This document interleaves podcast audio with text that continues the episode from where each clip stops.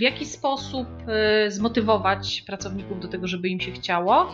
W moim przekonaniu pokazując korzyści. Pokazując korzyści, a nie kwestię tego, że ja wiem, że w, w, świadomości pracownika może być to, że on przestanie być potrzebny. Ja zawsze to odwracam w inną stronę. Jeżeli ty zauważasz marnotrawstwa i wiesz, jak to zoptymalizować, to ty będziesz cennym nabytkiem dla każdego pracodawcy. Cześć. Nazywam się Tomek Miller, a to jest podcast Kaizen Miracle. Małymi krokami od pomysłu do zysku.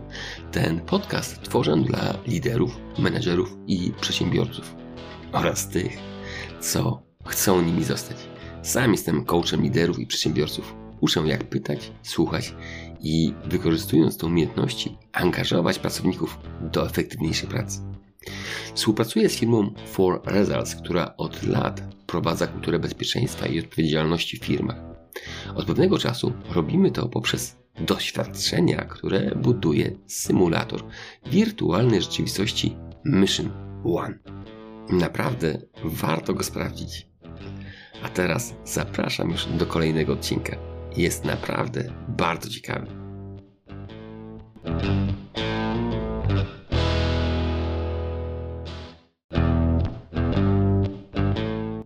I jeszcze chwila. Już 9 września poprowadzę szkolenie Sztuka zarządzania bez gadania. W czasie szkolenia będę uczył tego, co robię tutaj w podcaście. Będę uczył, jak pytać i słuchać. Ale będę też uczył tego, jak wykorzystywać te umiejętności w firmie, żeby angażować pracowników. Czy to możliwe? Czy można mniej mówić, a jednocześnie bardziej angażować pracowników? Tak, to naprawdę możliwe. Jak to robić? Dowiesz się już 9 września. Link do szkolenia znajdziesz na moich stronach w social mediach oraz na stronach firmy For Results. Serdecznie zapraszam. A teraz zapraszam do kolejnego odcinka podcastu. Będzie naprawdę bardzo ciekawie.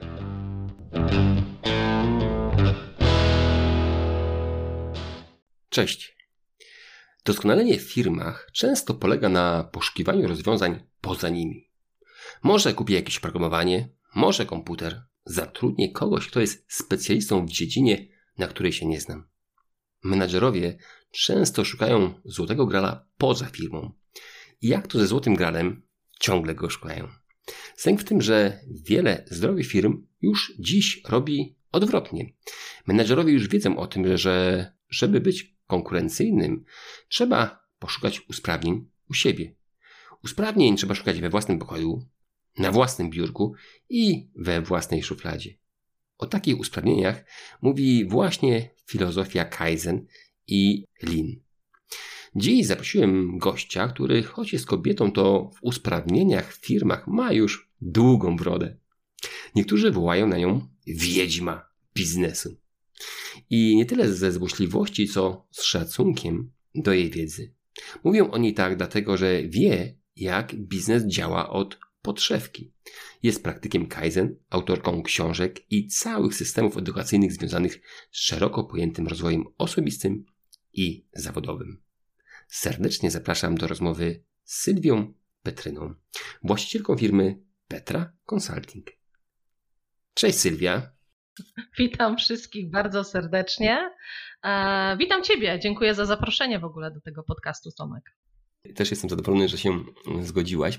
Sylwia, e, każdego pytam się o to, żeby się przedstawił w dwóch zdaniach, ale mam do Ciebie pytanie. Dlaczego wiedźma biznesu? Właśnie, dlatego, że wiem.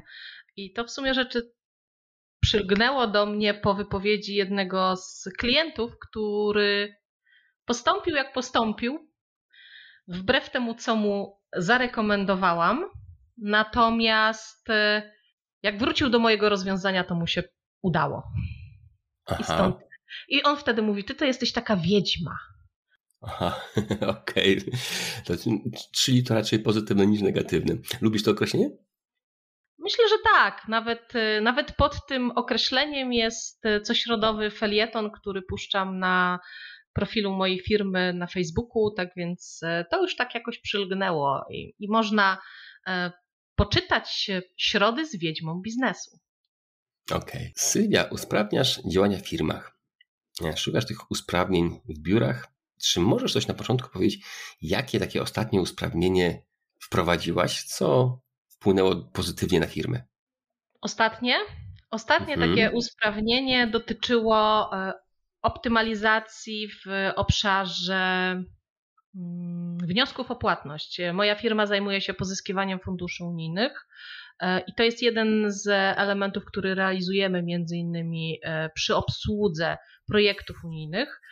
Mhm. Ci z Was, którzy kiedykolwiek brali dotacje z Unii Europejskiej, doskonale wiedzą, że muszą te dotacje być rozliczane. Najczęściej rozliczane są kwartalnie, najczęściej są rozliczane właśnie takimi wnioskami o płatność i najczęściej jest tam bardzo dużo błędów.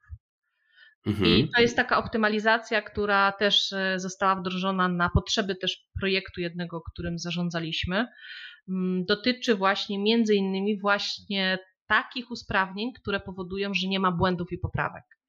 Czyli z mhm. iluś tam akurat my to weryfikowaliśmy z 12 takich poprawek w cyklu rocznym. Doszliśmy do usprawnienia, gdzie jest tylko jedna poprawka. Wow, no mega, bardzo fajne. E, Sylwia, jak ty się uczyłaś usprawnień? Rodząc w bólach. Okej, okay, dobra. To, to, jak to było? Jakie to były bóle te pierwsze, kiedy się zaczęłaś uczyć? No? To takie, e, to takie mm, ja, ja, ci powiem, że to, to była potrzeba. To była przede wszystkim potrzeba, po pierwsze, moja potrzeba biznesowa, po drugie, po drugie potrzeba biznesowa moich klientów, e, bo prowadzę biznes też już 19 lat, tak więc chcąc, nie chcąc, cały czas się rozwijam i cały czas coś usprawniam. Mm, po trzecie, słuchając ludzi. Poprzez to, że słuchałam ludzi, wiedziałam, co nie działa, co można zrobić lepiej i w jaki sposób można to zrobić też lepiej. No i oczywiście metodycznie się też do tego przygotowywałam, bo kilka lat temu ukończyłam podyplomowe studia na Akademii Kaizen i te studia były organizowane we współpracy z Instytutu Kaizen z Politechniką Warszawską. To, mhm. jest, to, to są takie początki. E, po tych studiach napisałam oczywiście książkę dotyczącą tych usprawnień. E, książkę Lean Office, typowo ofisową, dotyczącą biur i administracyjnych obszarów. I to był taki początek, jakby myślę, nauki, ale przetrenowałam wszystko w mojej firmie. Powiedz mi, co takiego usprawniłaś we własnej firmie? Od czego to zaczęłaś usprawnienia? Jak to wyglądało? Wiesz co, ja ci powiem taką rzecz. My jesteśmy cały czas w procesie. Ja to nazywam proces usprawnień i proces twórczy. Aha. Bo jak coś skończyliśmy, to się okazało, że można coś zrobić lepiej. I powiem ci, że tak naprawdę udało mi się usprawnić bardzo wiele rzeczy, które były inicjatywą też moich pracowników. W wielu obszarach e, poprawiło to jakość naszych usług, wystandaryzowało to usługę, na przykład szkoleniową, bez względu na to, jaki trener tą usługę szkoleniową realizował, to w takim samym standardzie ta usługa była realizowana. Czyli mamy pewne procedury i to było takie pierwsza, pierwsza, pierwsza nasza taka rzecz, która udała nam się praktycznie od początku do końca. Czyli w tym samym standardzie realizujemy praktycznie wszystkie usługi szkoleniowe, czy ona jest onlineowa, czy ona jest stacjonarna, czy ona jest mieszana.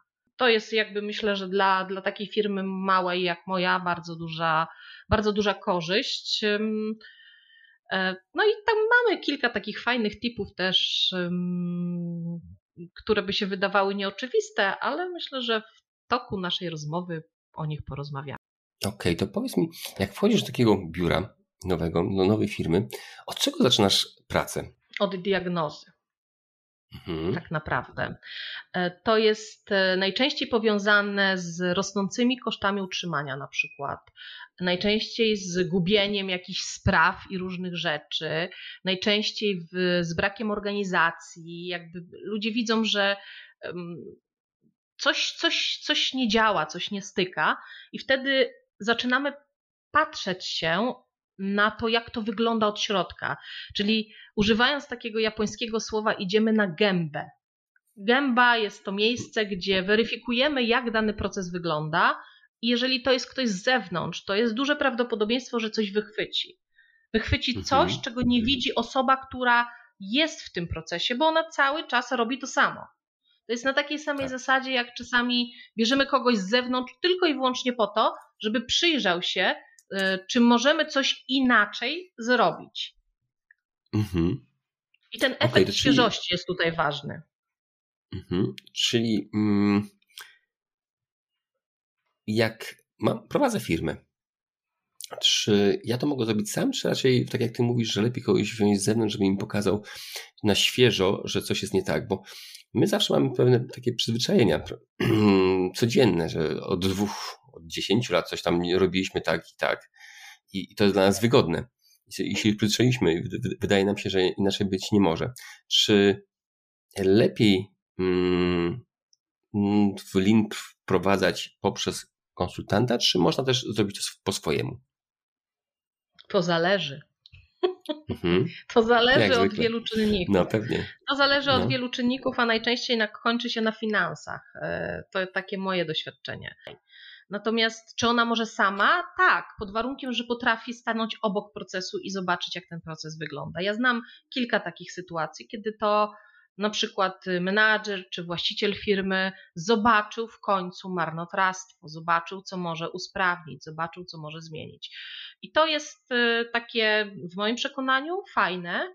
Natomiast w, kiedy mówimy o zmianach w, w, organizacjach, w większych organizacjach, gdzie jest bardzo dużo osób y, zatrudnionych, a ta świadomość, jakby taka mm, dotycząca właśnie tej filozofii całej, jest dość niska, to często posiłkujemy się wtedy właśnie zespołem konsultantów. E, bardzo często jest tam osoba, która pracuje nad e, mentalnością, bo to jednak jest mhm. jeden z elementów, który uznawany jest za jeden z trudniejszych elementów wdrażania mhm. zmian i optymalizacji. Mhm. E, Sylwia, co najłatwiej usprawnić w firmie? Wiem, że w każdej firmie jest inaczej, ale no, pracujesz od lat i tak statystycznie, gdzie najpierw szukać takich usprawnień? Gdzie najpierw? Ja myślę, że najłatwiej tak naprawdę, i to też mam takie dość pozytywne doświadczenie, to jest znajdywanie takich właśnie marnotrawstw i takich bezcelowych rzeczy. Wtedy widzimy, że jest sens robienia takich usprawnień. I, i tak mi się wydaje, że to jest to jest najłatwiejszy proces. Zobaczyć, co nie działa. Bo ja robię zawsze wtedy taką sesję, taką sesję najczęściej to jest taka sesja plakatowa, gdzie opisuję, jakie są marnotrawstwa w firmie, dokładnie jest ich dziewięć e, i opisuję, co możecie tam wpisać i co wy zauważacie. I wtedy się tam wylewa z różnych stron z różne rzeczy i to jest bardzo dobry początek do pracy nad właśnie usprawnieniami, bo wtedy możemy coś wziąć jako pierwsze na tapetę, co możemy z tym zrobić. Mhm. Możemy się zastanowić, który z tych elementów jest najważniejszy, po to, żeby się zająć właśnie takim tym elementem. Ja też jestem mm, taką pasjonatką mm, robienia rzeczy jednej, ale konkretnie, czyli takimi małymi krokami. Nie robienia rewolucji, tylko bardziej ewolucji. Mm, I to jest y, tak mi się wydaje, że tak z doświadczenia patrzę się, to myślę, że to akurat jest element, który jest najłatwiejszy. Chociaż w ogóle mm, nie powiedziałabym, że usprawnienie i optymalizacje są łatwe. Mhm. No, jak już jesteśmy do czegoś przyzwyczajeni, to ciężko nam się to zmienić, do czegoś, przekonać się do czegoś nowego. E, to są nawyki. Mar... Tak, to są nawyki, rytuały, nawyki, zgadza się. Y, mówiłaś o dziewięciu marnotrawstwach. Czy możesz podpowiedzieć, jakie to są marnotrawstwa, żeby nasi słuchacze, którzy nie znają się na linie, żeby mm, no, też się dowiedzieli, co są, które to są te marnotrawstwa i co oni w firmach mogliby usprawnić? E, takim pierwszym marnotrawstwem, i to jest bez względu na to, czy mm, jest to firma usługowa, czy jest to firma produkcyjna, to jest nadprodukcja. Mhm. A nadprodukcja nie tylko musi dotyczyć produktów, ale czasami też informacji. E, mhm. Też czasami z wyprzedzeniem podawania czegoś, co jest nieistotne. To jest właśnie takie jedno z marnotrawstw. Kolejne to są zapasy, no i to myślę, że tutaj nie trzeba tego tłumaczyć. Zbędny mhm. transport. jest rodzajem marnotrawstwa. To, co w ofisie, czyli w tych obszarach biurowo-administracyjnych najczęściej się pojawia, to też błędy i poprawki. Czyli 14 mhm. razy wracamy do jednej sprawy, do jednego dokumentu, do jednej umowy, zamiast stworzyć procedurę, która nam pozwoli e, tą umowę bezbłędnie wypełnić za pierwszym razem. Mm, nieraz ruch, mhm. Nieraz ruch. I to jest też e, spowodowane mm, takimi elementami dotyczącymi mm, zbędnie też wykonywanego wysiłku fizycznego przez pracownika. Przeciąganie pewnych rzeczy, przynoszenie pewnych rzeczy, sięganie po jakąś rzecz. Skoro sięgamy po tą rzecz 450 razy w ciągu dnia, to może lepiej tą rzecz ustawić gdzieś blisko e, czekanie. O, mhm. I tutaj jest taka, takie marnotrawstwo, które czasami doświadczamy u lekarza czy gdzieś indziej, To jest takie czekanie, no. aż coś się wydarzy. W biznesie to jest czekanie dość często na decyzję. I w tym czasie, no co się w tym czasie dzieje? No się najczęściej nic nie dzieje. E, przetwarzanie, mhm. przetwarzanie jednego dokumentu na przykład, przetwarzanie jakby rzeczy, która, która nie musi być przetworzona w żaden sposób. E, robienie 50 mhm. tysięcy zestawień, tabelek, które tylko inaczej wyglądają, tak. ale dokładnie to samo określają. E, mhm. Marnotrawstwem jest też zarządzanie. No. Czyli te wszystkie elementy dotyczące z nieefektywnością tak naprawdę działań e, kierownictwa w obszarze planowania, organizowania, decydowania, motywowania, czy też e, kierowania, bądź też w pewnych elementach takiej analizy tego, co właśnie idzie z tego, z tego całego obszaru funkcjonowania związanego z zarządzaniem, bo zarządzanie, aby było dobre, mhm też musi być w jakiś sposób analizowane. No i takim elementem, który ja sobie upodobałam, to niewykorzystane talenty. Okej. Okay. E, wiesz co, tak zaciekawiłaś mnie, o każdym bym chciał, żebyś coś, żebyśmy coś, coś e, powiedzieli, a zaciekawiłaś mnie tym zarządzaniem. Zarządzaniu, co może być taką, taką marnotrawstwem? Bo no wiesz, to jest... Zbytnia kontrola. Zbytnia kontrola, okej. Okay. Co jeszcze? Złe planowanie, złe plan w ogóle albo mhm. brak planowania pewnych rzeczy, robienie takich Aha. Y, rzeczy bez pomyślunku, co tam ma być na końcu. Dość często, y, jak wchodzę w obszar y, też tego marnotrawstwa, to patrzę się przez pryzmat misji, wizji, celów i tych elementów, które dotyczą jakby całej organizacji, bo to bardzo często wychodzi wtedy, że, że, że działamy, bo działamy, bo 20 lat działaliśmy i było fajnie i teraz też działamy. Natomiast Mhm. Przez lata się zmieniają warunki, przez lata się zmienia sytuacja na zewnątrz, poza firmą. E, przez lata wchodzą do firmy nowe osoby, nowi pracownicy. Teraz mówi się o mm, pokoleniu Z. E, I na przykład starsze pokolenia od razu sobie wyobrażają jakichś kosmitów, e, którzy wchodzą do naszego, do naszego zakładu pracy, do naszej firmy i coś tam będą robić albo też nie robić. Tak więc to jest jakby element dotyczący, mm, dotyczący tego marnotrawstwa. Niezaplanowanie pewnych działań już naprzód. To jest, to wiesz co, to bardzo fajnie pokazała. Z jednej strony mhm. bardzo fajnie, no ale to smutne jest. Natomiast pokazała to pandemia. Co w mhm. obszarze zarządzania nie zadziałało. Oczywiście ona była straszna i bardzo często dużo firm nie potrafiło przyjść, przejść do tego na, porząd, na porządku dziennym, do pewnych sytuacji. Natomiast jeżeli, jeżeli dobrze pewne rzeczy organizujemy, jeżeli dobrze w pewnych rzeczach, pewne rzeczy przewidujemy, no to też mamy lepsze możliwości dostosowania się do zmieniających się warunków.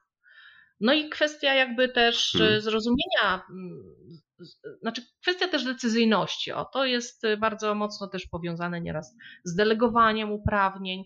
No tu są różne aspekty, które hmm. można brać, e, brać pod uwagę. Delegujemy tak naprawdę hmm. dość często menadżerowie na przykład delegują obowiązki, ale zapominają o czymś takim, że za delegacją obowiązków jest jeszcze delegowanie uprawnień.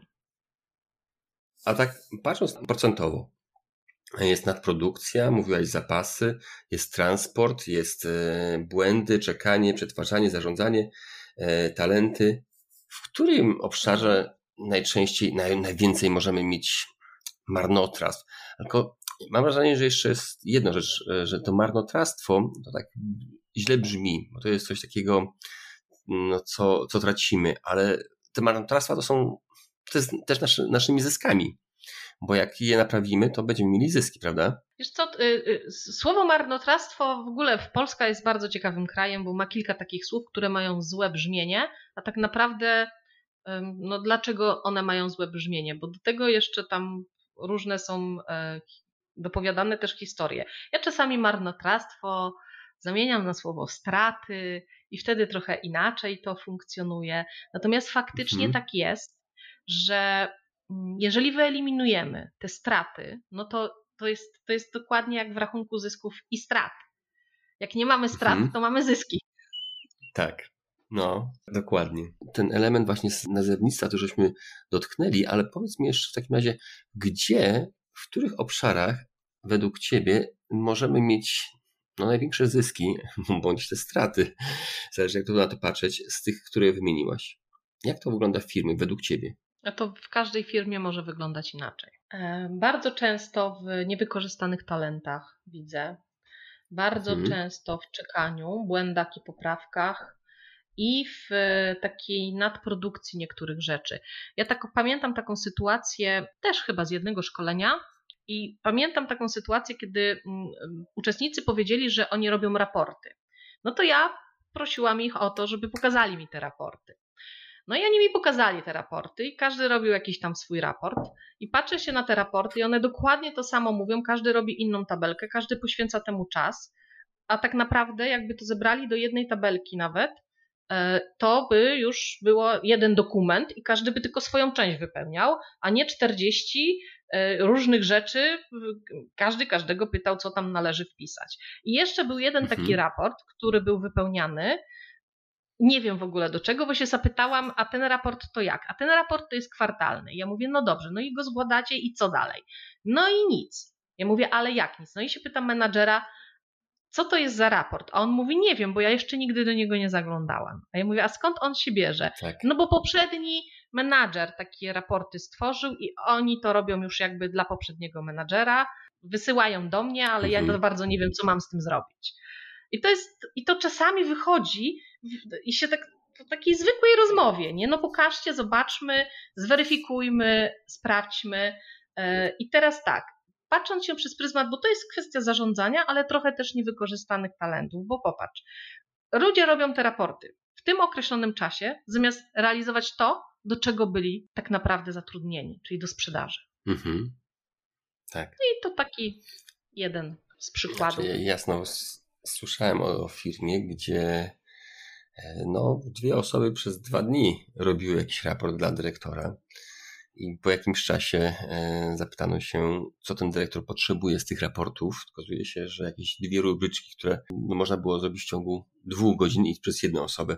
I mhm. to, są, to były dwa, dwa dni pracy dwóch osób, które były zupełnie zbędne. I takich strat, marnotrawstw w firmach jest bardzo dużo. I dla, dlatego warto czasami się zastanowić nad tym, co, co robić, żeby papierologii było jak najmniej i żeby, jeżeli ona była, to była sensowna, nie? No właśnie. Dobrze, a mówiłaś o tych niewykorzystanych talentach. Jak można te talenty wykorzystać w firmie? To przychodzi do mnie ktoś do, do pracy z jakimiś talentami, y, które no, ja oczekuję od niego, bo zatrudniłem go, bo mm, na rozmowie rekrutacyjnej potrzebne byłyby takie i takie jego kompetencje. Dobra, i jak mam wykorzystywać jego talent, bo być może on jeszcze coś innego potrafi. Jak mam doszukać? Jak mam szukać tego, tych um, przycisków, żeby ten jego talent u mnie eksplodował? Z, z tymi talentami to jest bardzo często tak, że my robimy rekrutację na określone stanowisko i mamy wtedy profil kandydata, który musi na to stanowisko przyjść. I mamy wtedy jakby taki zestaw minimalny i maksymalny tych elementów, które ten kandydat powinien e, spełnić. Natomiast przychodzi do nas kandydat, który okazuje się, no nie wiem, mm, przychodzi, weźmy na przykładzie grafika komputerowego. Przychodzi do nas kandydat, który jest grafikiem komputerowym, ale bardzo dobrze na przykład tworzy animacje graficzne. Natomiast mhm. nigdy w życiu byśmy się o tym nie dowiedzieli, gdybyśmy nie zrobili takiego wywiadu z tym pracownikiem i nie zapytali się, co jeszcze jest jego pasją, co fajnego robi, niech, po, niech podzieli się tym, co, co wykonuje. I teraz y, pierwsza rzecz, którą należy zrobić, to zaobserwować. Druga rzecz, zapytać. Trzecia rzecz, ja robię coś takiego, że daję możliwość czasami pracownikom określania swoich zakresów obowiązków. I niech wpiszą w zakresach obowiązków to, co lubią robić, to, co muszą zrobić i to, czego nienawidzą robić. Mhm. I wtedy z tego zakresu Super. obowiązków wychodzi mi no, różna gradacja różnych spraw. I czasami jest tak, że w jednym zespole mam osoby, które jedni potrafią, lubią to, a inni lubią to, co ci nienawidzą. I to jest takie mhm. jakby e, fajne, fajna rzecz do zrobienia, praktycznie do zastosowania e, od zaraz. E, mhm. Ja to mówię tak w kontekście też nawet małych, średnich firm i, i myślę, że, że, że to, to, jest taka jedna rzecz. Druga rzecz to są koła kompetencji. I jak pracujemy w linie najczęściej na tych kołach kompetencji, to określamy, jak na danym stanowisku, jakie kompetencje są przydatne, i pracownik sobie określa też, na jakim poziomie ta kompetencja jest y, u niego zrealizowana. Czyli no niech, niech weźmy to pod uwagę, że na przykład, nie wiem, e, kompetencja dotycząca, nie wiem, e, przeliczania, e, przeliczania podatków na przykład. Jest taka kompetencja, która dotyczy wyliczania podatków, jest kompetencja, która dotyczy wyliczania wynagrodzeń, jest kompetencja, która dotyczy na przykład, nie wiem, analizy potrzeb szkoleniowych pracowników. No i jakby patrząc się na tym, bo jest to na przykład dział HR. I mhm. patrzymy się, na jakim poziomie są te kompetencje i widzimy, czego brakuje. Jeżeli czegoś brakuje, albo jakaś kompetencja jest na niewystarczającym poziomie, to dla nas też jest informacja, w jaki sposób E, wykorzystać dany talent, a z drugiej strony na przykład mamy kompetencję, która jest na maksymalnym poziomie, to już widzimy, że ta osoba mm, potrafi to robić i prawdopodobnie chce to zrobić. Czyli mhm. może inaczej trochę zakres obowiązków poukładać w zespole, tak żeby każdy robił to, co lubi. Natomiast ważna też jest kwestia zastępowalności. Dlatego czasami jest tak, że jakby mm, jak mówimy o małych zespołach, no to niestety robimy to, co mhm. lubimy, ale uczymy się też tego, co będziemy realizować w momencie, kiedy na przykład pracownik pójdzie na chorobowe albo mhm. na urlop. E, e, Sylwia, taka tablica kompetencji, tak z ciekawości, a według Ciebie w ilu firmach coś takiego jest? Wiesz co, nie wiem, bo ja e, nawet czasami jak robię wdrażanie takich optymalizacji i zawsze pokazuje to narzędzie, pokazuje w jaki sposób ono może mhm. działać, e, to szczerze nie wszystkie firmy to wdrażają. I później jest na mhm. zasadzie takie, a może to szkolenia, a może to szkolenia, a może taka umiejętność, a może taka umiejętność. Ja y, trochę inaczej też te narzędzie sprzedaję. Ja sprzedaję narzędzie w taki sposób, że pytam się właściciela, dyrektora, menadżera w danym dziale, jakich kompetencji potrzebuje. I wtedy on mi określa, jakie są kompetencje. Ja mówię, dobra, to teraz masz zespół, w którym to jest Kasia, Basia, Zosia i Stefan. I teraz popatrz się na te kompetencje, które potrzebujesz i przydziel te kompetencje do tych poszczególnych osób. I on wtedy na przykład przydziela. Później pytam się Kasi, Basi, Stefana, czy oni mają te kompetencje, jeżeli, jeżeli potwierdzą, bo mogą nie potwierdzić mhm. jeszcze, a no. jeżeli potwierdzą, no to pytam się, na jakim poziomie mają kompetencje. I to robię na, na, na zasadzie koła. I pokazuję to menadżerowi, on wtedy mówi, ale to fajne.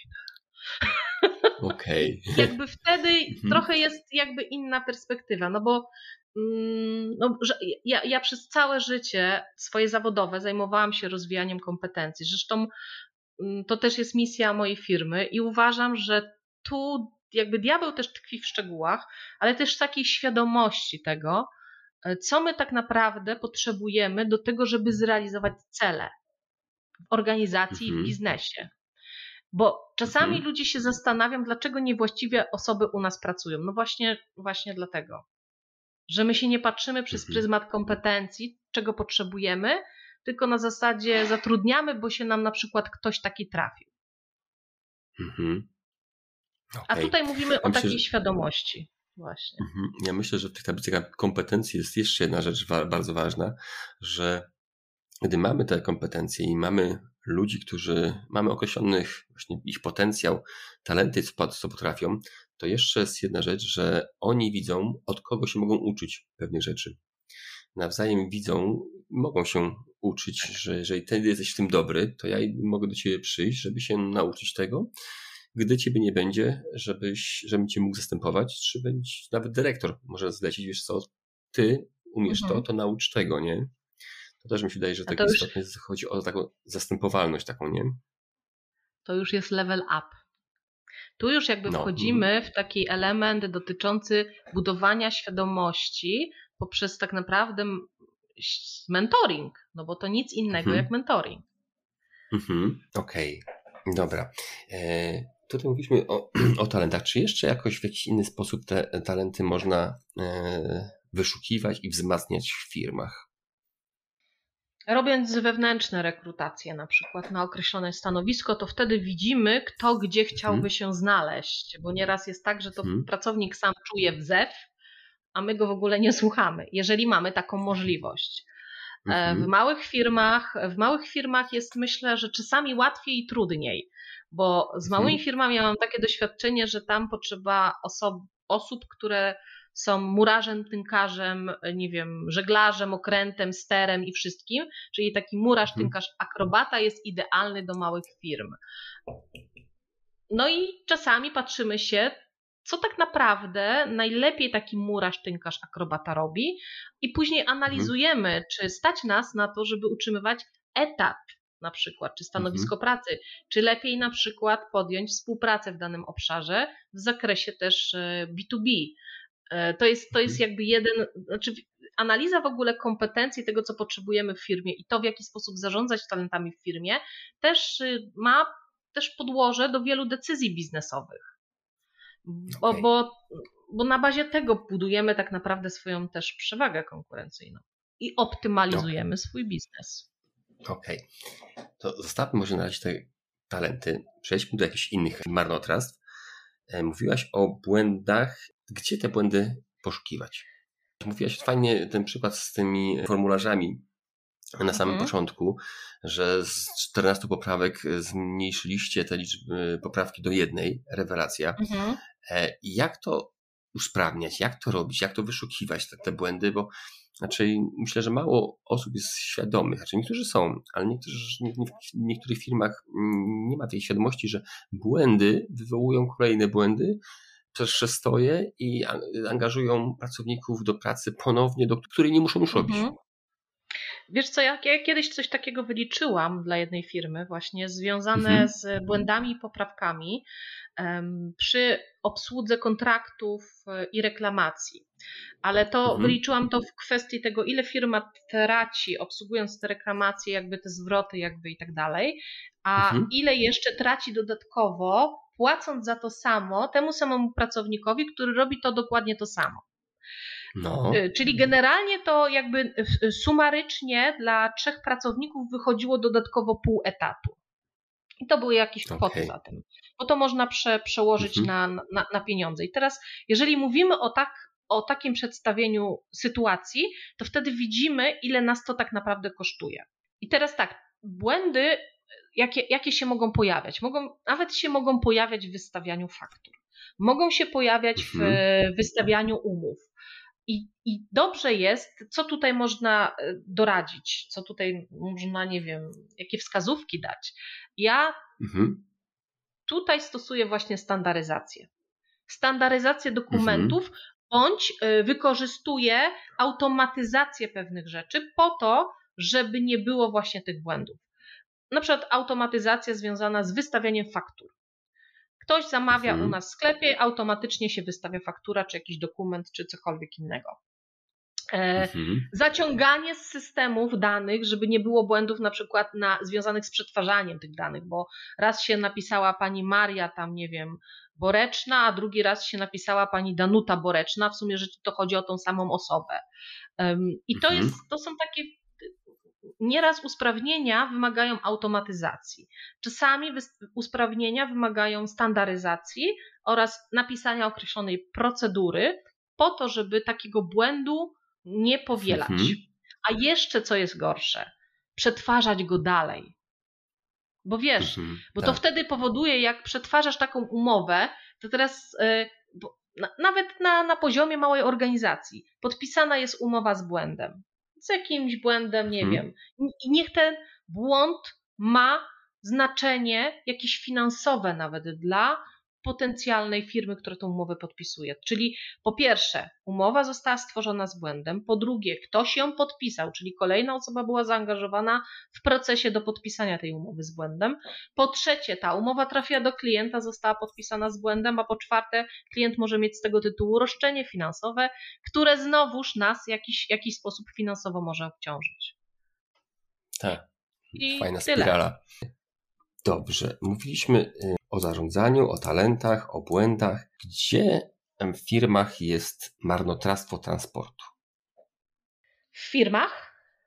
Mhm. Jeżeli chodzi o w ogóle firmy wszelkiego rodzaju, to jest jakieś przemieszczanie się produktów i materiałów z punktu A do punktu B. Firma na przykład ma dwa oddziały i tam wożą w jedną i w drugą stronę, w trzecią, w czwartą, piątą, bez jakby jakby jakiegoś takiego pomyślunku, po co to tyle razy jedzie. Ja mhm. Mm, jakby w, w transporcie czasami, y, znaczy transport bardzo często generuje dodatkowe koszty.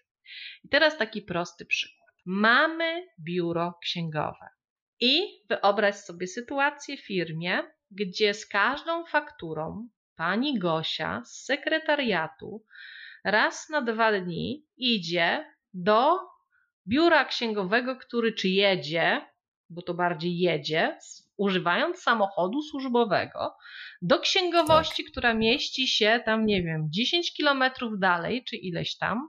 No w każdym bądź razie to jest właśnie zbędny transport. Zamiast raz na przykład w miesiącu zawozić na przykład oryginały, a ten dokument, który jest teraz, e, nie wiem, przetransportowywany bez sensu, skanować i po prostu wrzucać na wspólny dysk, z którego może korzystać i ona, i księgowa. Jeżeli już to jest takie istotne, mhm. bo to na przykład w procesie coś robi. Ale, mhm. ale najczęściej to, to jest takie, to są takie, wiesz, niuanse. Ja to nieraz obserwuję, nie? jak z jednym dokumentem mamy wydział, w wydziale pracuje na przykład 12 osób i urząd jest rozrzucony w różnych budynkach. I teraz tak, pani Gosia z tego wydziału idzie z jednym dokumentem do budynku, na przykład, który się mieści tam 20 minut mhm. dalej, e, a w tym samym czasie pani Zosia z tego samego wydziału wpada na pomysł, że też idzie tam do tego budynku z tym dokumentem, czyli to też jest zbędny transport. Jakby nie mogła mhm. jedna osoba to zebrać i zanieść. Mhm. A, a w małych firmach no w małych firmach dość często widzę właśnie w kontekście kooperacji z biurem księgowym, w kontekście realizowania na przykład mhm. E, zakupów. Bo teraz zakupy mhm. można robić internetowo, czyli ściągać do siebie zamówienie, e, żeby te zamówienie mhm. przyjechało do mnie do firmy. A niektórzy lubią po prostu mhm. biegać po marketach. No i co ja ci tu powiem? Nie? Będzie mhm. po kilogram okay. cukru 14 razy w mhm. ciągu tygodnia jechać. Ja, ja, myślę, że w ogóle to taką, każdy menadżer powinien mieć taką świadomość, że każda czynność, którą wykonuje nasz pracownik, to jest koszt. Menadżerowie mówią, że jak mu płacą, to już wymagają. Ktoś ma zrobić, ale to jest dodatkowy koszt. Każda rzecz, którą ktokolwiek ma zrobić w firmie, to jest dodatkowy koszt, bo w tym czasie może zrobić coś, co jest dużo bardziej wartościowe. Ja wiesz co, ja ci powiem, że ja też zauważam, mhm. że to jest niestety problem stażystów czasami. Zauważ, mhm. dlaczego stażyści niechętnie przychodzą na staże do niektórych firm. Właśnie zajmują się takimi głupotami i pierdołami, które kompletnie nie wzbogacają mhm. ich jakby mhm. obszar nauki zawodowej, zamiast robić mhm. konkretne rzeczy. Przecież stażysta jest bardzo dokładnym i bardzo fajnym odzwierciedleniem tego, co się w naszej firmie nie działa. Mhm, Naprawdę tak. przetrenowałam, doświadczyłam, wiem, widzę może być Aha. bardzo fajnie jakby realizować może bardzo fajnie właśnie te wszystkie może mniej zaangażujące działania, ale też jest takim hmm. taką osobą, która jest, może być wdrażana i wtedy patrzymy się, jak my zarządzamy tym talentem w postaci stażysty. Okej, okay, czyli warto wziąć stażystę po to, żeby znaleźć, gdzie mamy marnotrawstwa, tak? Też, też. Okej, okay. dobra. Y, mówiłaś tu jeszcze o przetwarzaniu danych. To już mówiliśmy o tym, żeby tych, tych raportów mniej robić, e, żeby sprawdzać, po co są te raporty. E, czy coś mhm. jeszcze? Czy coś w tym przetwarzaniu danych jeszcze jakieś marnotrawstwa można znaleźć dla firmy? Znaczy, czasami jest tak, że mm, za dużo rzeczy potrzebujemy do zrealizowania na przykład jakiejś usługi. I to jest właśnie takie te dane, które są kompletnie zbędne, albo dajemy te dane osobom, które kompletnie nie powinny tych danych dostać do ręki. No nie wiem, dane, dane uczestnika w, w, w różnym obszarze, jeżeli chodzi o, o kwestie związane z przetwarzaniem, z przetwarzaniem danych, e, to na przykład robienie dokumentu, żeby on idealnie tak wyglądał, zamiast 3 minut, hmm. to robienie go 15 minut, bo tam musi to w ogóle tip-top robić. To jest też zbędne przetwarzanie, bo jeżeli wystandaryzujemy dokument i dokładnie powiemy, jaka czcionka, jaka, jaka interlinia, jaka, jaki ma być nagłówek, stopka, cokolwiek, to my możemy z automatu praktycznie ten dokument. Jeszcze jak mamy jakieś pewne elementy, które się w tym dokumencie mają pojawić, to powoduje to, że te przetwarzanie tego dokumentu jest zdecydowanie krótsze. Mhm. Mhm. I to jest takie e, kolejne. Mhm. Tak, w, czasami, czasami e, to jest nazywane jako nadjakość. Ja to taki przykład podaję. Tak. Z, jak idziemy do restauracji, na przykład chcemy, jesteśmy bardzo spragnieni. I mhm jako klient chcemy wodę. E, I chcemy zwykłą zimną wodę, żeby ktoś nam dał. Ale czekamy na nią 20 minut, bo szef kuchni musi to zrobić w standardzie, który jemu odpowiada, i on tak. chce wtedy e, idzie jeszcze po cytrynę, po limonkę, e, po słomkę, bo akurat słomki zabrakło, i ktoś, kto chce dostać już w tej chwili wodę, czeka na nią pół godziny, jest wściekły, zdenerwowany. I mam wrażenie, że często w firmach jest ten efekt bardzo podobny, że tutaj e, mhm. robi, staramy się zrobić coś jak najlepiej, żeby ktoś otrzymał wysokiej jakości produkt, a on tego produktu w ogóle nie potrzebuje. On potrzebuje coś krótkiego, szybkiego, żeby to dostać. I to też jest, mi się wydaje, że warto e, w firmach mm, patrzeć pod tym względem, że zawsze sprawdzić, czy ktoś potrzebuje na szybko, w jakiej formie i z jaką jakością, bo być może klient potrzebuje czegoś naprawdę na szybko, a, a, mhm. ale coś, co możemy zrobić w ciągu dwóch minut, a nie w ciągu pół godziny. Tak, ja tutaj się zgodzę. Mhm. Są jeszcze zapasy. Zapasy i nadprodukcja, tutaj zapisałem sobie wcześniej. Mhm. Mm, co w, tych, no w tej chwili są takie czasy, że wszystko drożeje. No właśnie. Mieć zapasy. Co, co, co, co, co dzisiaj robić? Bo mm, wydaje ci się, że zapasy są marnotrawstwem, ale dzisiaj czy one są marnotrawstwem, czy są lokatą, jak to nazwać i, i co robić, żeby tych zapasów nie było za dużo i żeby one były sensowne. Znaczy to wszystko uzależnione jest od tego, ile my czego potrzebujemy do sprawnej realizacji na przykład zadań. Ja mam takie standardy, gdzie jest minimum i maksimum. Minimum muszę mieć takie zapewnione, materiałów różnych biurowych, żeby móc zrealizować w każdym momencie jakąś usługę i nie wydzwaniać do wszystkich naokoło, że mają mi coś przywieźć. To jest jakby mhm. taka jedna rzecz. E, z tymi zapasami to jest tak, że oczywiście, że one wszystko drożeje naokoło, natomiast to jest pieniądz, to jest pieniądz utopiony, bo jak tego nie wykorzystamy, to to jest pieniądz utopiony. Ja miałam kiedyś taką sytuację właśnie, bo, bo optymalizować tak naprawdę w obszarze administracyjnym jest dość trudno. Natomiast y, ja mam też doświadczenia z organizacjami pozarządowymi i tam e, w tych optymalizacjach dużo rzeczy można zdziałać też. E, I nie zapomnę, mm, akurat e, ten mój przykład dotyczy realizacji projektu, który realizowała organizacja pozarządowa z administracją, czyli z jakimś z jednostką administracji samorządowej. I Wszyscy w wydziale zamawiali papier do kserokopiarki. Wszyscy w wydziale. No stop były mhm. zamówienia ten papier. Ja nie wiem, oni jedli, podcierali się, nie wiem, co robili z tym papierem. W każdym bądź mhm. razie, przechodząc kiedyś po takim korytarzu, tak się e, przechadzałam się koło, po tym korytarzu i spytałam się, co to są za drzwi w ogóle, bo nigdy tam nie byłam w tym biurze. No i mi otworzyli te biuro. Się okazało, że to był składzik. I zgadnij, co ja w tym mhm. składziku znalazłam. Tony papieru tony, mhm. a te dolne mm, ryzy to już myszy jadły. Część z tych, mhm. część, część oczywiście z tych zgromadzonych tych papierów, one się już nie nadawały, bo nasiągnęły wilgocią, pożółkły i tak dalej. I się pytam, a czy ktoś o tym wiedział, że to jest tam schowane? To są właśnie te zapasy. Mhm. Są te zapasy, które możemy zobaczyć i one są no, nie, niewykorzystane w żaden sposób. Ale tych zapasów, słuchaj, jest bardzo dużo. Ja mam taką, ja mam nawet filmik nakręcony, historia jednej rynienki i mam filmik nakręcony małe usprawnienia w szufladzie. W jednej no, szufladzie. Ile takich mhm. rzeczy można znaleźć? To, to, jakie usprawnienia można znaleźć w szufladzie? Bo bardzo mi się na przykład podoba, bo to są takie małe kajzynowe rzeczy, które są mega istotne, a ich, ich nie zauważamy. To co można znaleźć w szufladzie? Albo w rynience? Jak, co, gdzie tam można cokolwiek usprawnić? Na przykład można znaleźć w szufladzie z 14 par nożyczek, które są niepotrzebne. Można znaleźć w szufladzie jakieś taśmy klejące, które nie wiadomo po co w takiej ilości są w ogóle zamawiane. Jak dwa razy w życiu ktokolwiek cokolwiek przykleił tą taśmą klejącą, no ale jak już się zamawiało, to się zamawiało i się wzięło 20 sztuk. Można znaleźć w takiej hmm. szufladzie, o to jest fajne, nie tylko w szufladzie, w ogóle przy biurkach, no. długopisy. No. Długopisów milion dwieście to jest taki, to niby, niby to jest takie tanie, niby to nie kosztuje, każdy coś przynosi, taki długopis, a potem jak przychodzi do pisania, to nie ma czym pisać, bo połowa tych długopisów jest wypisana. Ale one sobie tam zalegają. A nikt nie wpadnie na to, żeby kupić wkład tylko, nie, kupujemy cały długopis. Mhm. Tak.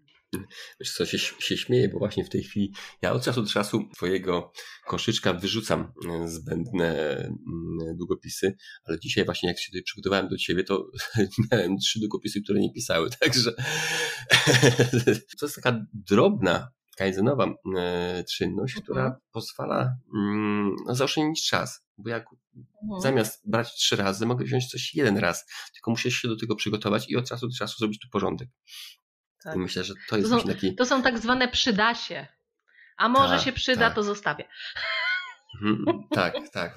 Zostawię, a później mam bałagan na, na biurku i jestem zestresowany, bo nie mogę nic, nic znaleźć. Okej, okay. E, mówiliśmy jeszcze o nadprodukcji.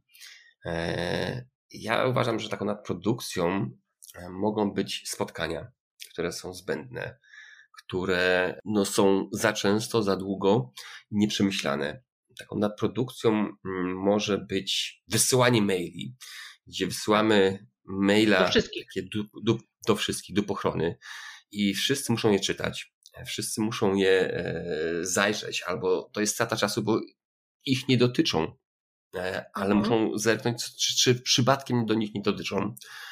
E, to są takie mocne strony właśnie nadprodukcji. Czy coś jeszcze? Jakie ty masz według ciebie są jeszcze takie elementy, które można wykluczyć albo na które należy zwrócić uwagę w firmach, żeby w tej nadprodukcji tych, tego marnotrawstwa nie było? Wiesz co, teraz w dobie eko, to nad produkcją są wszelkiego rodzaju też materiały, które drukujemy i które tak naprawdę mhm. trafiają do kosza. E, ja tutaj nie chcę strzelać w kolano firmom reklamowym, ale czasami pewne rzeczy można zrobić lepiej, w mniejszej mhm. ilości, natomiast e, bardziej optymalnie to wykorzystać. Nad produkcją mhm. czasami są materiały na przykład szkoleniowe, nad produkcją są jakieś takie, e, to, to jest też taki fajny przykład dotyczący drukowania na przykład materiałów na jednej stronie, kiedy mamy dwóch, mhm. druk dwustronny możliwy do zrealizowania. I to są takie mhm. małe, drobne rzeczy, które jak wszystko złożymy do jednego, e, jakby podsumujemy do jednego mianownika, to wychodzi, ile to nas kosztuje. Mhm. Takim fajnym usprawnieniem w niektórych filmach jest, w niektórych nie, ale uważam, że no, chciałbym o tym przypomnieć, jest na przykład powtórne wykorzystywanie kartek. Bo często jak na jednej zapiszemy, to już ją wyrzucamy albo robimy jakieś zapiski. Ale w niektórych firmach, ja byłem w takiej firmie, że jeżeli coś już zostało zapisane z jednej strony, to było brane do drukowania na brudnopis albo takich rzeczy, które są niepotrzebne, mniej, mniej ważne, ale jeżeli ktoś chce wydrukować nawet jakiś dokument dla szefa, żeby to, to zobaczył, ale można to zrobić na drugiej stronie tej czystej kartki. I to jest, myślę, wydaje, że też takie drobne usprawnienie, które zawsze te kilka złotych, kilkanaście albo kilkadziesiąt e, w skali miesiąca czy e, roku przyniesie firmie. Właśnie. Przemnóżmy mhm. to na skalę roku, ile takich rzeczy się dzieje. Ja ostatnio usłyszałam od jednej pani, bo moja mhm. drukarka tak drukuje. Ja mówię, ale Aha. proszę panią, każda drukarka ma coś takiego jak dwustronny druk, ale ona sama nie przerzuca. Ja mówię, tak, to wystarczy po prostu odwrócić kartki i po prostu puścić mhm. jeszcze raz tą drugą stronę. I będzie dokładnie ta sama mhm. sytuacja. E, Sylwia, a w jakich niestandardowych miejscach znalazło się jakieś takie nieoczekiwane usprawnienia? E, pamiętam kiedyś taką sytuację, mm, kiedy właśnie w, wprowadza, podczas warsztatu właśnie linowskiego pracownicy zgłosili brak miejsca w szafach. Mm, brak miejsca mhm. w szafach, materiały, to się wszystko gdzieś tam walało z jednej, z drugiej strony, po czym jak zaczęliśmy zaglądać do tych różnych szaf, mm, no to otwieramy takie szafy, szafę jedną i patrzę się, tam są pudełka. No i pudełka, wyciągam jedno pudełko, patrzę się, fajne buty, fajne szpilki, nie wiem, czerwone. Później wyciągam drugie, tam beżowe szpilki, takie, śmakie, owakie i tak. A to była firma, która się zajmowała finansami w takim obszarze mhm. obsługi finansowej. I tak patrzę się na nich, a co to w ogóle jest? Cisza.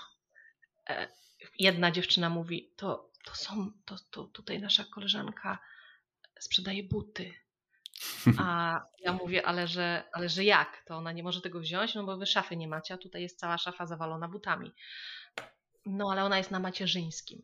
A ile czasu jest na tym macierzyńskim? Pół roku. I to jest taka mhm, okay. proces, proces usprawniania, który może trochę zdziwić zespół, bo się okazuje, że jednak jest miejsce, tylko no, pracownik sobie wynajmował szafę od firmy bez hmm. chyba wiedzy menadżera. Miałam tak, tak, takie, wrażenie. Natomiast no, no, poprosiłam, żeby wyzwali mm, mm, dziewczynę do, do odbioru materiału. Tak, i no miejsce no i się tak znalazło, tak. To jest takie, takie, takie niestandardowe, takie niestandardowe. Mhm. Czasami można różne rzeczy w szafach znaleźć. Okay. Zdarzył mi się też kask z II wojny światowej. Okej. Okay. hełm. Super. Hełm taki. Może ktoś się czegoś bał w firmie. Sylwia, powiedz mi, jak takie usprawnienia wpływają na firmę? Bo tak, będąc szczerym, e, wydaje nam się, że dla nas najważniejszy jest klient. I najważniejsze jest to, żeby klient dostał najlepszą usługę. Po co ja mam usprawniać biuro, skoro i tak ja wysyłam rzeczy do klienta? Po co ja mam te robić usprawnienia w biurze? Po co mi ten porządek jest tutaj, żeby to no, lepiej funkcjonowało? Oszczędności czy coś jeszcze? Myślę, że lepsza jakość pracy to jest pierwsza rzecz. Czasami jest wyższe wtedy zaangażowanie, bo ludzie mają wpływ na to, co robią i w jaki sposób robią. To to jest taki jeden z elementów, który warto podkreślić w przypadku wdrażania takich optymalizacji. Po mhm. co? Po to, żeby nie robić rzeczy zbędnych, po to, żeby nasza firma mogła jednak spełnić oczekiwania rynkowe, bo to nie jest tak, że ja wiem, jak klienta obsłużyć. Ja oczywiście, że wiem, jak klienta obsłużyć i osobiście jestem w stanie z każdym klientem się dogadać, natomiast e, jego preferencje, nawet zakupowe, sposób e, obsługi może się zmienić na przestrzeni lat. I to jest właśnie, optymalizacja jest po to, żeby nadążać nad tą zmianą, żeby nie wypaść z rynku, to jest jedna rzecz. Praca zdalna pokazała, że ci, którzy mieli jakieś optymalizacje wdrożone, jakiś pewien standard pracy, to po prostu na tym wygrali. A pozostałe osoby, no, no mają co mają. Okay. Mają dużo stresu, mało akceptacji, e, bardzo dużo, e, jeszcze więcej pracy, zamiast coraz mniej. Mhm. Jak zachęcić ludzi do optymalizacji? Do tego, żeby oni poszukiwali tych małych, drobnych usprawnień na co dzień. Bo niektórzy, myślę, że sporo, po pierwsze, lub mają stare przyzwyczajenia i nie chce im się zmieniać. Po drugie, boją się, że jak coś optymalizują, to dostaną więcej pracy. Po trzecie, niektórzy ekstremalnie mogą się bać tego, że jak mm, coś optymalizuję kilkukrotnie, w kilku obszarach, to ja nie będę miał pracy i będę zbędny w tej firmie. Jak mhm. przekonywać pracowników, żeby oni chcieli usprawniać biurko, biuro i no, wprowadzać jakieś usprawnienia w firmie? Wiesz co, tutaj jakby mówimy o czymś takim jak kultura organizacyjna. Strategia Lean Office e, polega również na tym, że wprowadza się pewne usprawnienia w poszanowaniu dla załogi i dla zespołu całego. Tak więc y, to jakby jedno bez drugiego nie może funkcjonować w moim przekonaniu. Bo to wiesz, bo to zawsze działa w dwie strony. E, to nie jest tak, żeby na siłę trzymać kogoś, kto kompletnie nie chce nic e, zmienić w swoim życiu. Bo czasami to też e, takie optymalizacje są papierkiem lakmusowym dla zespołu. No niestety, mhm. powiem wprost, nieraz z zespołu odchodzi najsłabsze ogniwo. I to jest, może być dobre dla firmy. Może to być dobre dla okay. firmy, ponieważ żyjemy w świecie WUKA. W jaki sposób zmotywować pracowników do tego, żeby im się chciało? w moim przekonaniu pokazując korzyści. Ja wiem, że w, w, świadomości pracownika może być to, że on przestanie być potrzebny. Ja zawsze to odwracam w inną stronę. Jeżeli ty zauważasz marnotrawstwa i wiesz, jak to zoptymalizować, to ty będziesz cennym nabytkiem dla każdego pracodawcy. Mhm, fajne. Jeszcze jedno mam taki element, który jest moim zdaniem mega istotny, że gdy ktoś, pracownik się zaczyna angażować, gdy zaczyna wprowadzać usprawnienia, gdy to e, szef zaczyna zauważać, e, gdy zaczyna go doceniać, to po pierwsze wzrasta pewność pracownika i wzrasta jego zaangażowanie do tego, żeby coś robić, bo gdy ma wpływ na pracę, gdy widzisz, że ta praca, jego praca, jego kreatywność przynosi efekty, to on będzie dużo bardziej angażował się w pracę, bo, bo będzie widział własne zmiany. A myślę, że wydaje, że dla każdego pracownika jest to mega istotne, żeby widzieć nie tyle zmiany, które wprowadza szef, ale żeby widział swoje zmiany, bo wtedy się z tą firmą dużo bardziej identyfikuje. No, zdecydowanie. Tak Syria, będziemy no powoli no kończyć. E, tak, z, z, słuchaj, powiedz mi jeszcze y, dwa zdania, już w dwóch zdaniach. Jak jest, co jest najłatwiejszego we wprowadzeniu takiego lin w biurze i co jest najtrudniejszego z Twojej perspektywy? Znajdywanie marnotrawstw jest najłatwiejsze, bo tak jak wcześniej e, tutaj mówiłam wiele o tych marnotrawstwach, to jest jednak mimo wszystko taka rzecz, która, która jest fajna, bo to fajnie można przeprowadzić, nie? Co widzicie, a najlepiej jak widzą jeszcze w nie swoim ogródku. To te marnotrawstwa są możliwe, bo, bo chodzi o to, żeby, żeby jak najwięcej takich rzeczy zauważyć. To jest najłatwiejsze w moim przekonaniu, najprostsze do zrealizowania, praktycznie na już e, prowadząc jedną sesję. Co jest najtrudniejsze? Hmm praca z mentalnością. Praca z mentalnością mhm. osób, które są w procesach zmian, bo to jest jednak praca mimo wszystko trochę coachingowa, trochę psychologiczna, dlatego ja zawsze mówię, że dobrze jest, jeżeli linowiec e, czy też praktyk Kaizen ma predyspozycję do tego, żeby w ten sposób pracować z ludźmi. No i konsekwencja, bo to, że się coś optymalizuje i wdroży, to to później trzeba utrzymać. Utrzymać, Albo dbać. jeszcze raz usprawniać, jakby patrzeć się przez pryzmat tego, co jeszcze lepiej mogę zrobić, co jeszcze bardziej mhm. mogę zrobić. No to jest takie, myślę, że no, dość trudne, newralgiczne. Tak. tak.